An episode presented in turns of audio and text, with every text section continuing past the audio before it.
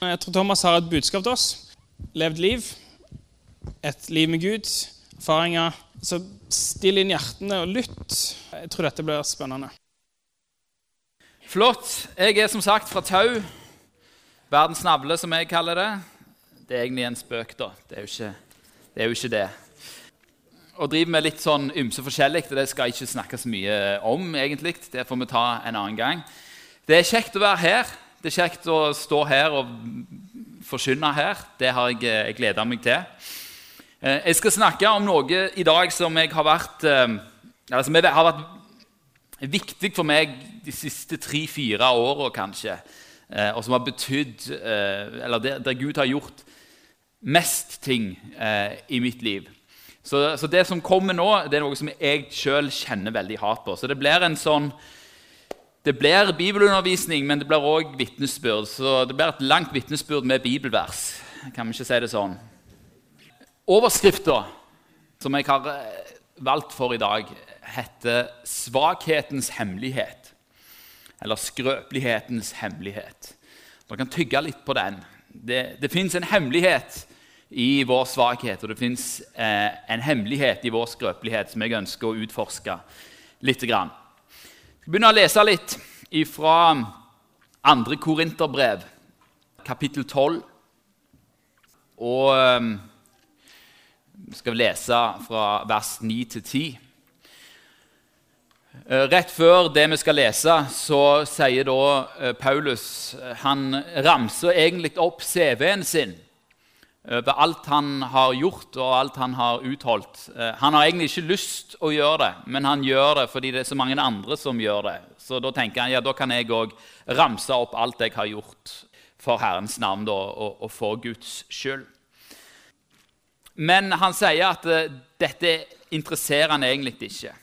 Og så kommer vi til dette her at han da sier Da sier Gud til Paulus, men han sa til meg, min nåde er nok for deg for min kraft fullendes i skrøpelighet.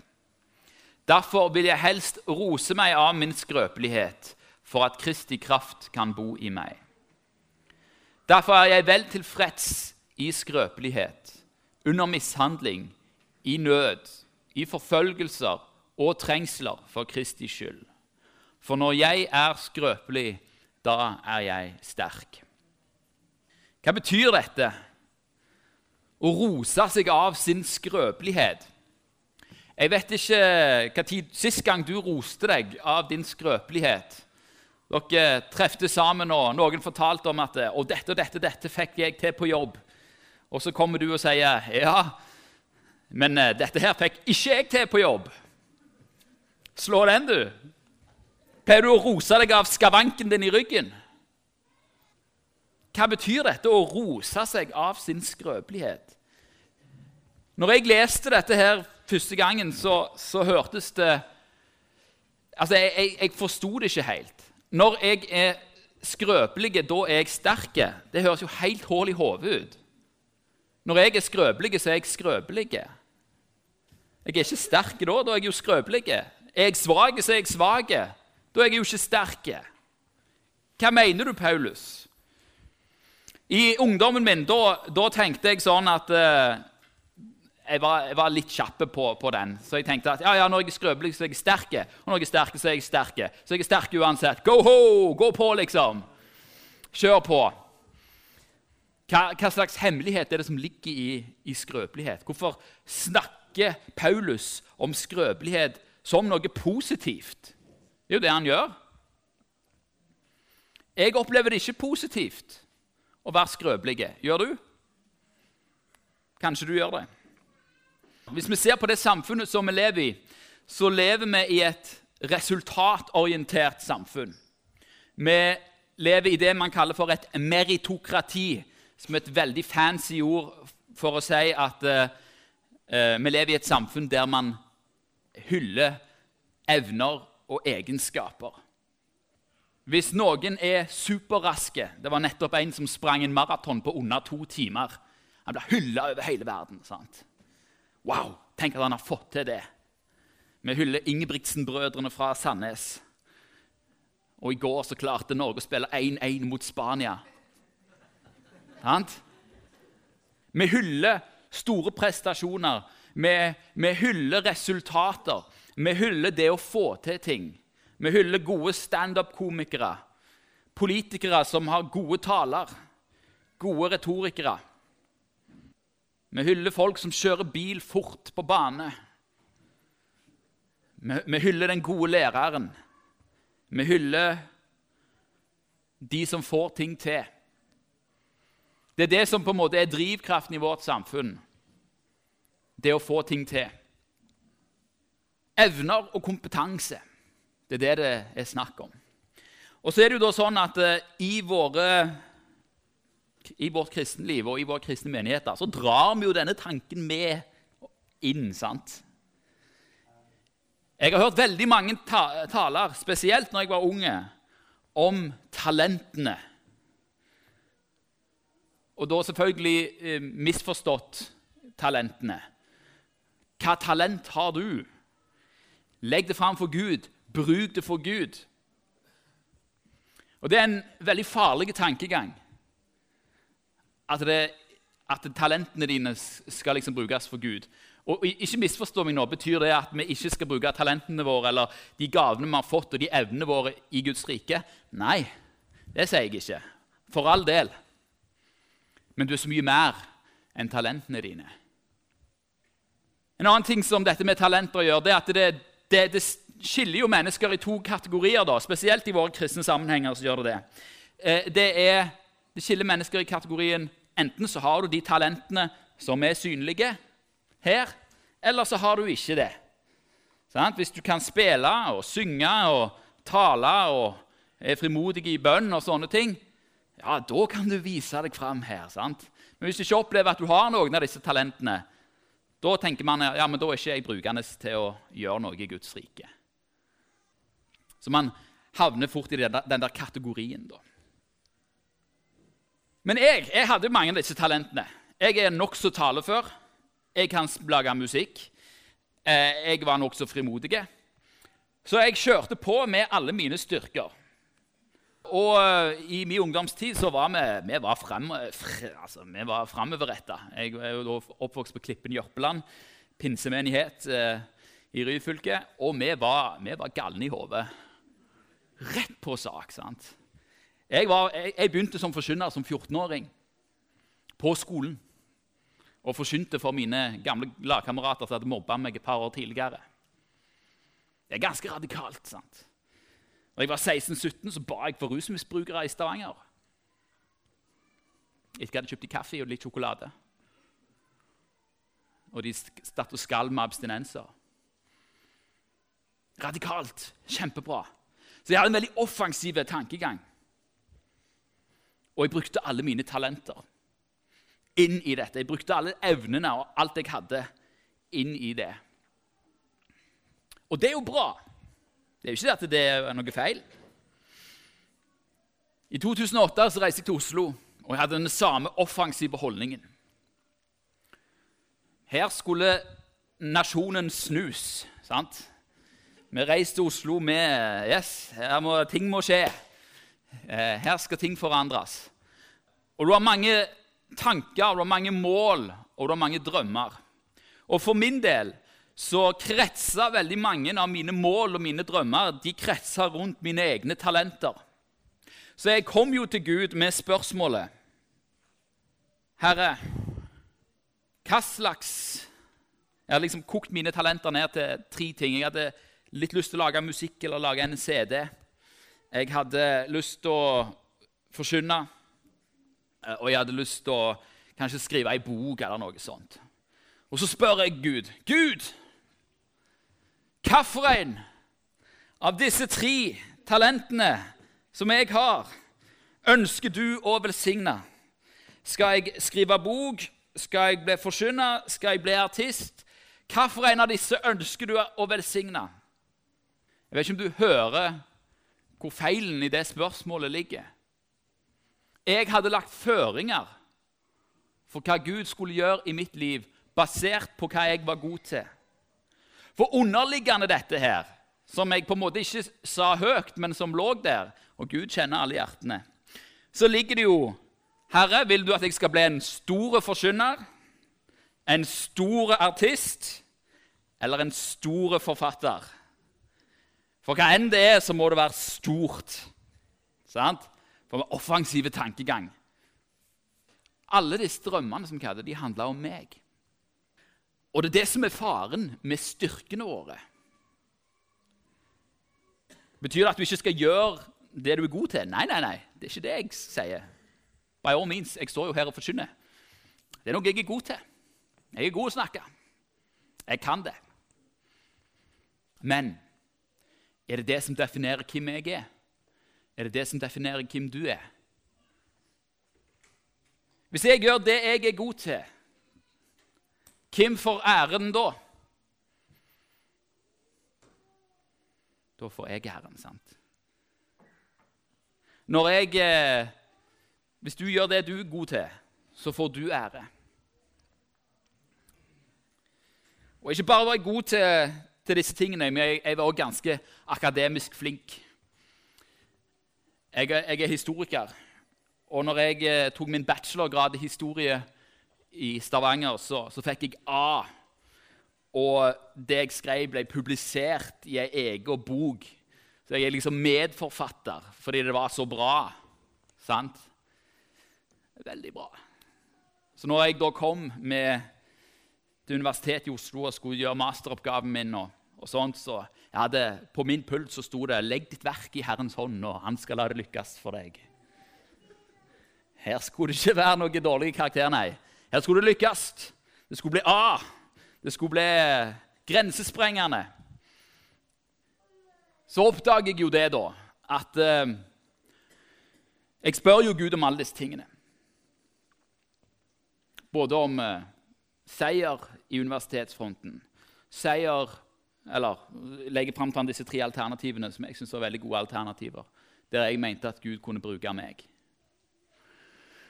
Men så, så skjer jo da det at uh, Gud sier ingenting. Han nekter å svare på spørsmålet. Jeg begynte jo da å ane at det er et eller annet her som jeg ikke har fått med meg. Og så begynte Gud å lære meg den litt harde veien. Du ser, Det står i Bibelen at uh, Gud står den stolte imot, men den ydmyke gir han nåde. Og jeg var stolt. Jeg var stolt av alt jeg kunne, alt jeg hadde. Så jeg kjørte på. Og hvis jeg stanga hodet i veggen, så tok jeg bare ny fart, og så stanga jeg hodet i veggen en gang til. Jeg ville jo være forkynner. Men du ser i uh, Philadelphia, Oslo, som var den menigheten jeg gikk i, der slipper de ikke hvem som helst til på talerstolen. Det skjønte jo jeg òg. Men jeg fikk lov å tjene. Jeg fikk lov å tjene som tolk. Og da forkynte jeg jo. Men det var ingen som så på meg, for jeg satt helt bakerst. Nå er det vår gode venn Bjorland som eh, sitter og tolker bak der. Han gjør en kjempejobb. Og når du sitter der og tolker, eh, i hvert fall i Philadelphia og Oslo, som da var langt oppe på galleriet, langt bak Ingen ser deg. Og de du tolker til, de vet ikke hvem du er. Så det er no credits for you. Men av og til en liten pekefinger hvis du snakker for høyt. Og jeg begynte å kjenne på, og Gud begynte å lære meg. Handler det om å stå på plattformen, Thomas? Handler det om deg, eller handler det om hva jeg vil at du skal gjøre? Hva handler det om å, å være i tjeneste for meg? Jeg begynte å skjønne at ok, det er meningen at jeg skal være her, bak der. Det er meninga at jeg skal få lov til å være i ro. Jeg lagde en CD. Enter the Exodus heter den CD-en. Har dere hørt om den?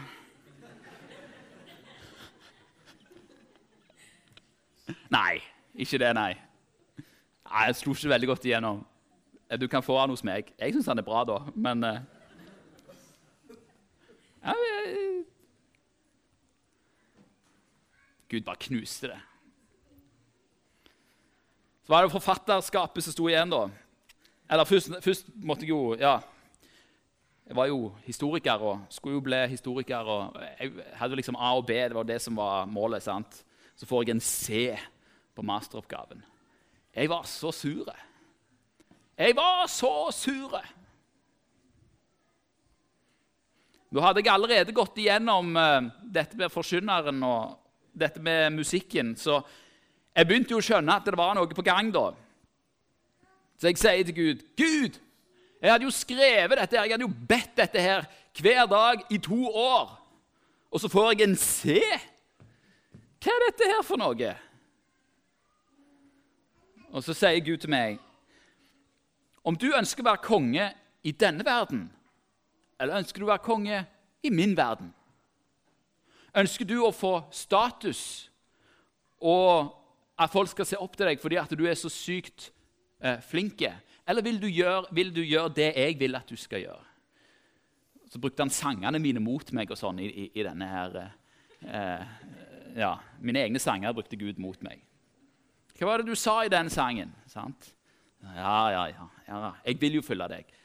Bra. Kom over deg sjøl. C er en helt komfortabel karakter. Helt ok. Du skal ikke bli historieforsker likevel. Så ikke tenk på det.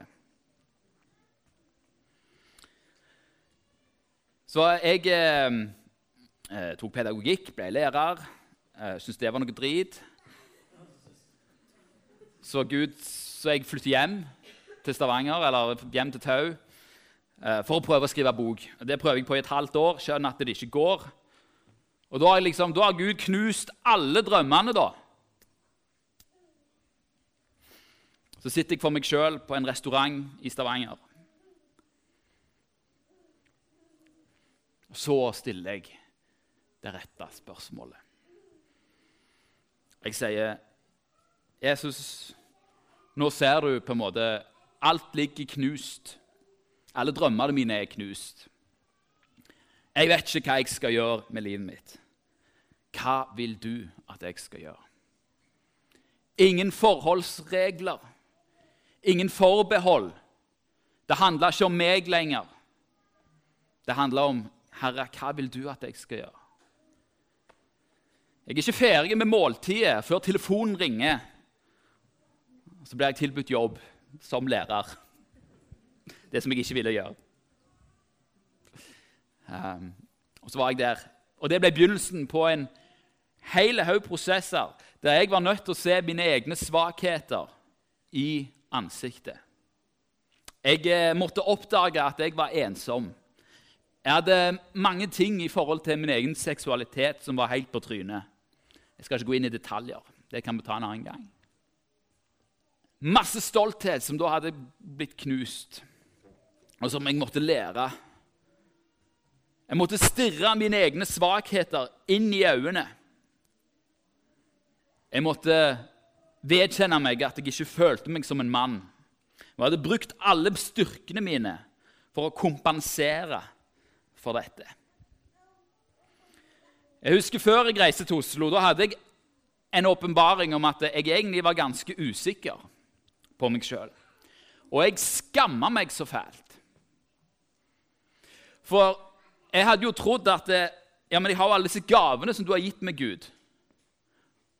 Og så trodde jeg at det at gavene som Gud hadde gitt meg, at det var det som da gjorde meg åndelig moden. Men det er ikke gavene eller evnene dine som gjør deg åndelig moden. Det er ikke det som gjør at du vokser som kristen. Det er ikke styrkene dine som gjør at du vokser som kristen.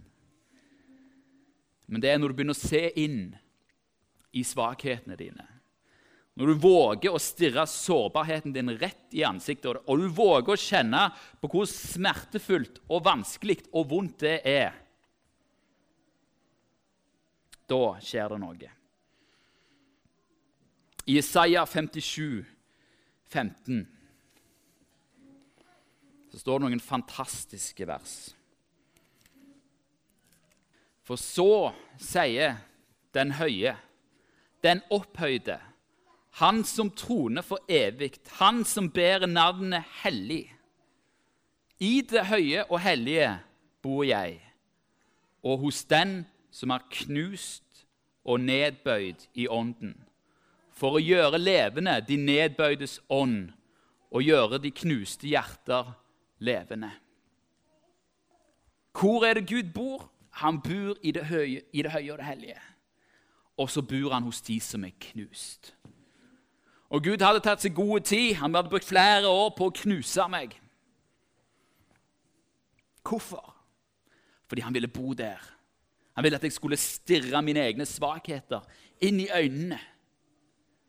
Og der møtte Gud meg. Der begynte Gud å helbrede disse her såra som hadde vært. Der kunne jeg adressere at jeg ikke følte meg som en mann. Og så kom Gud, og så kalte han meg og sa, 'Du er en mann'. Først der, først når jeg slutta å kompensere med styrkene mine, så fikk jeg lov til å, å, å bli møtt av Gud i min svakhet. Og så lufta Gud meg ut av min svakhet, sånn at jeg kunne stå. Og jeg kan si at ja, jeg føler meg egentlig ganske mye som en mann. Ikke alltid, men stort sett. Og om jeg ikke alltid føler det, så er det helt greit. Når Gud åpenbarte for meg at jeg var usikker, og jeg skamma meg, så husker jeg hva Gud sa til meg. Ja, men Thomas, dette har jo jeg visst hele veien. Nå vet du det òg. Det er jo bra.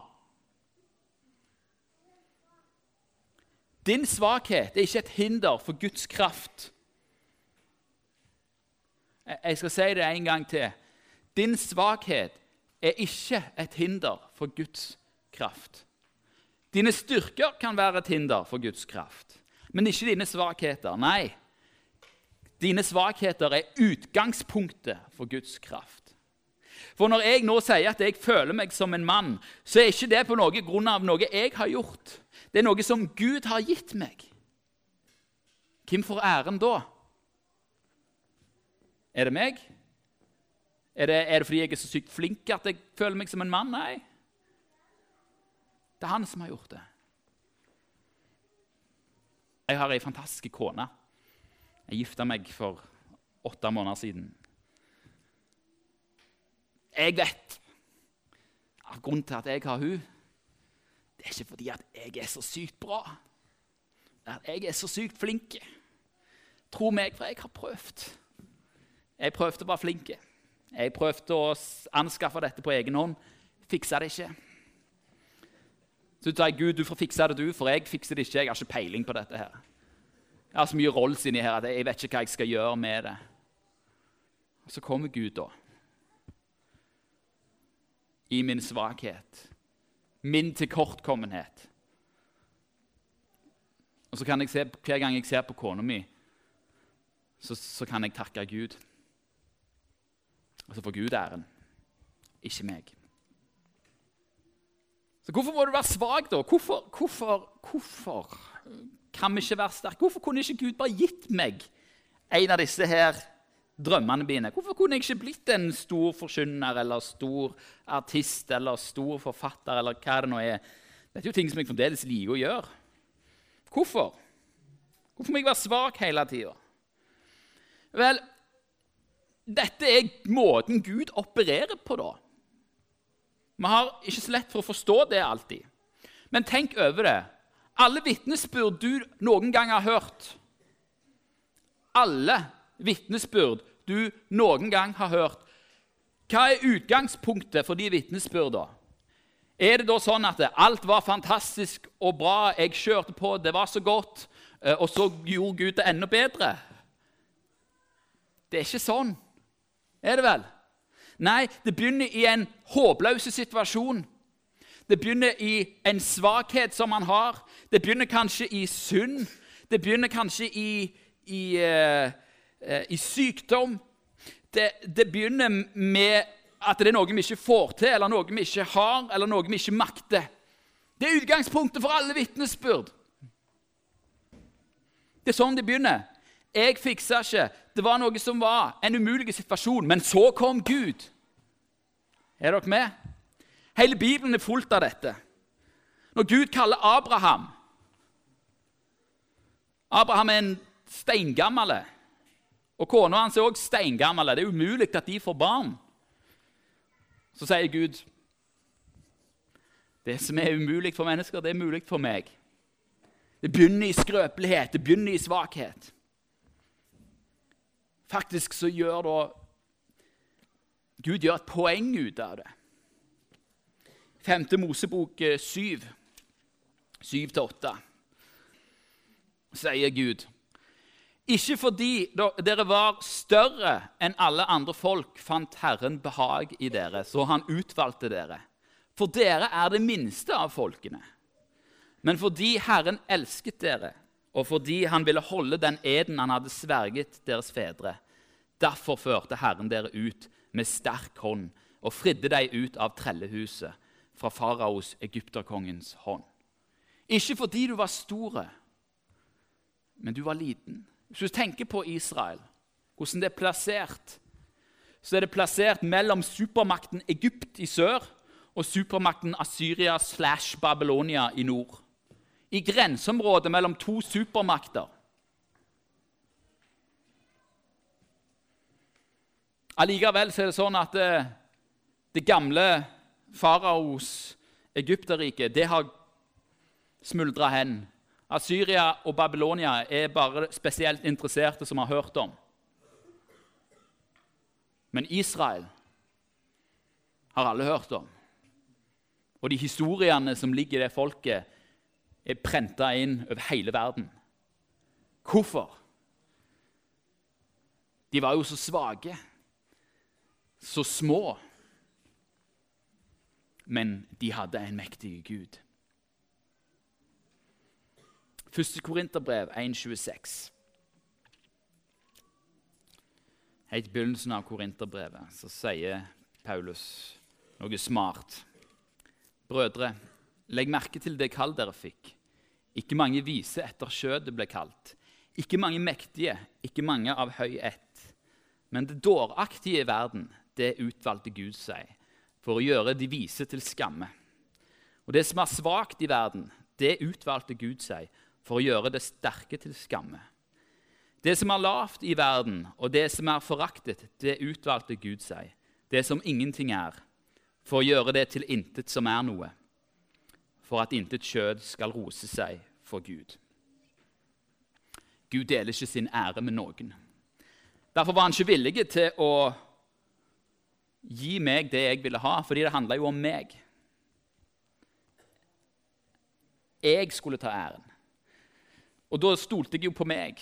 Men Gud vil at jeg skal stole på ham. Det er det som er min invitasjon til dere i dag.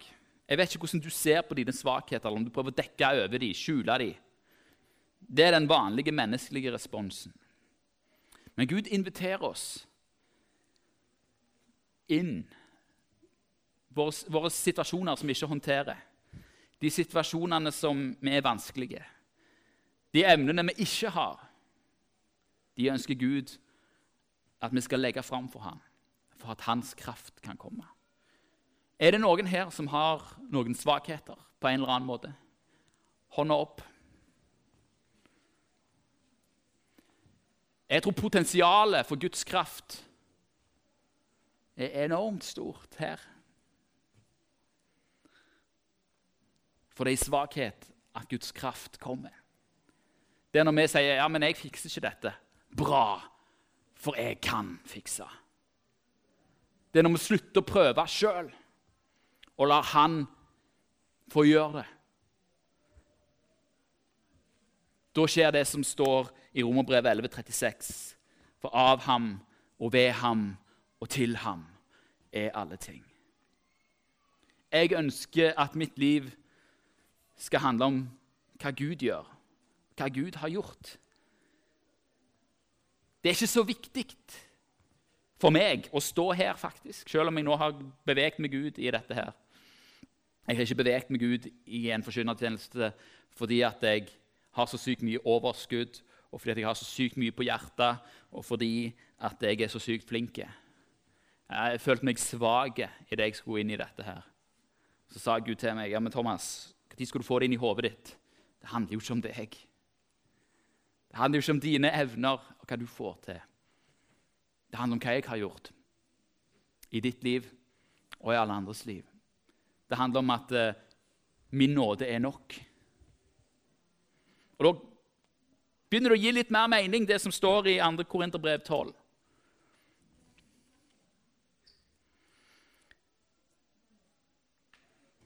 Han sa til meg, 'Min nåde er nok for deg, for min kraft fullendes i skrøpelighet.' Jeg vil helst rose meg av min skrøpelighet for at Kristi kraft kan bo i meg. Jeg òg vil at Kristi kraft skal bo i meg. Og da kan jeg si at når jeg er skrøpelig, så er jeg sterk. For jeg, eh, jeg fikser det jo ikke sjøl. Men jeg tror på en Gud som gjør. Jeg tror på en Gud som kan. Jeg tror på en Gud som har makten til å forandre alle ting. Og så skal jeg eh, be.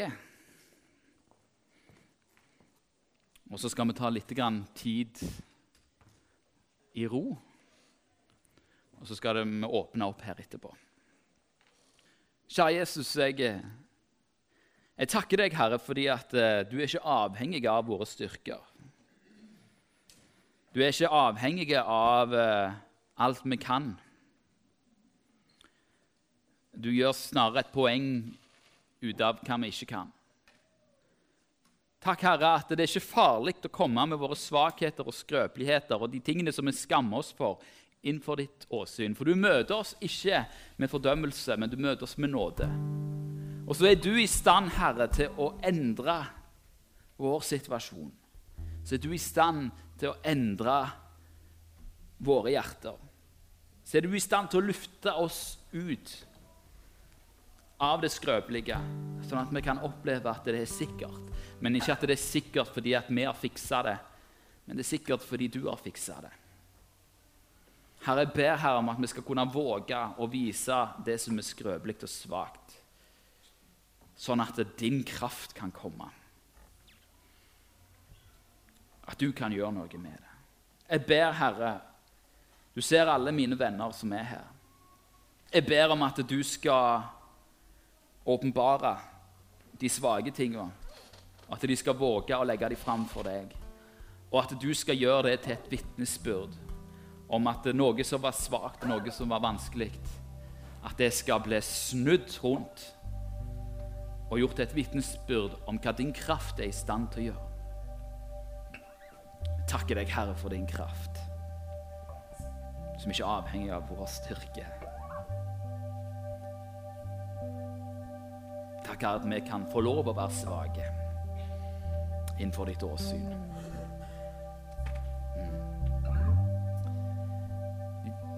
Nå skal lovsangene bare spille litt. Og så inviterer vi Den hellige ånd inn til å komme og peke på ting. Og jeg vet at det kan være ubehagelig, men det er ikke farlig.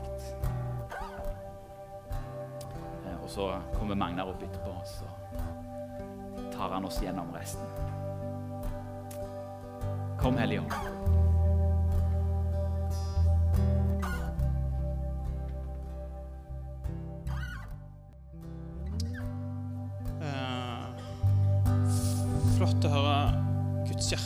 Disse tingene.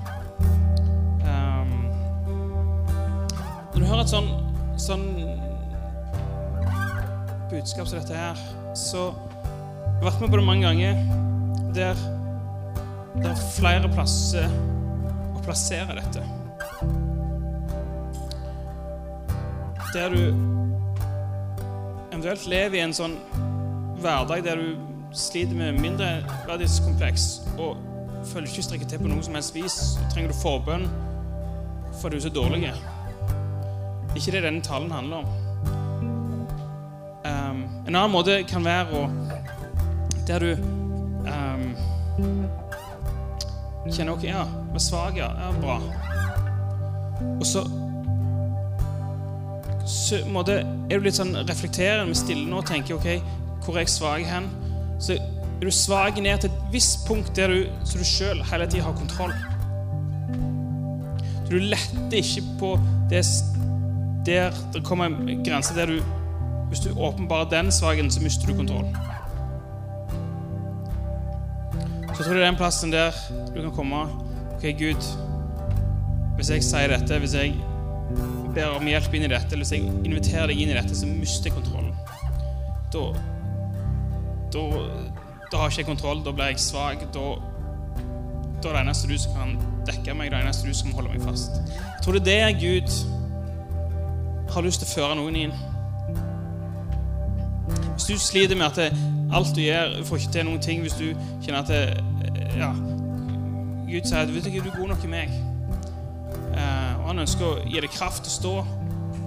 Det som vi må, Når vi inviterer han inn, så må han komme og gjør det som han bare han kan gjøre.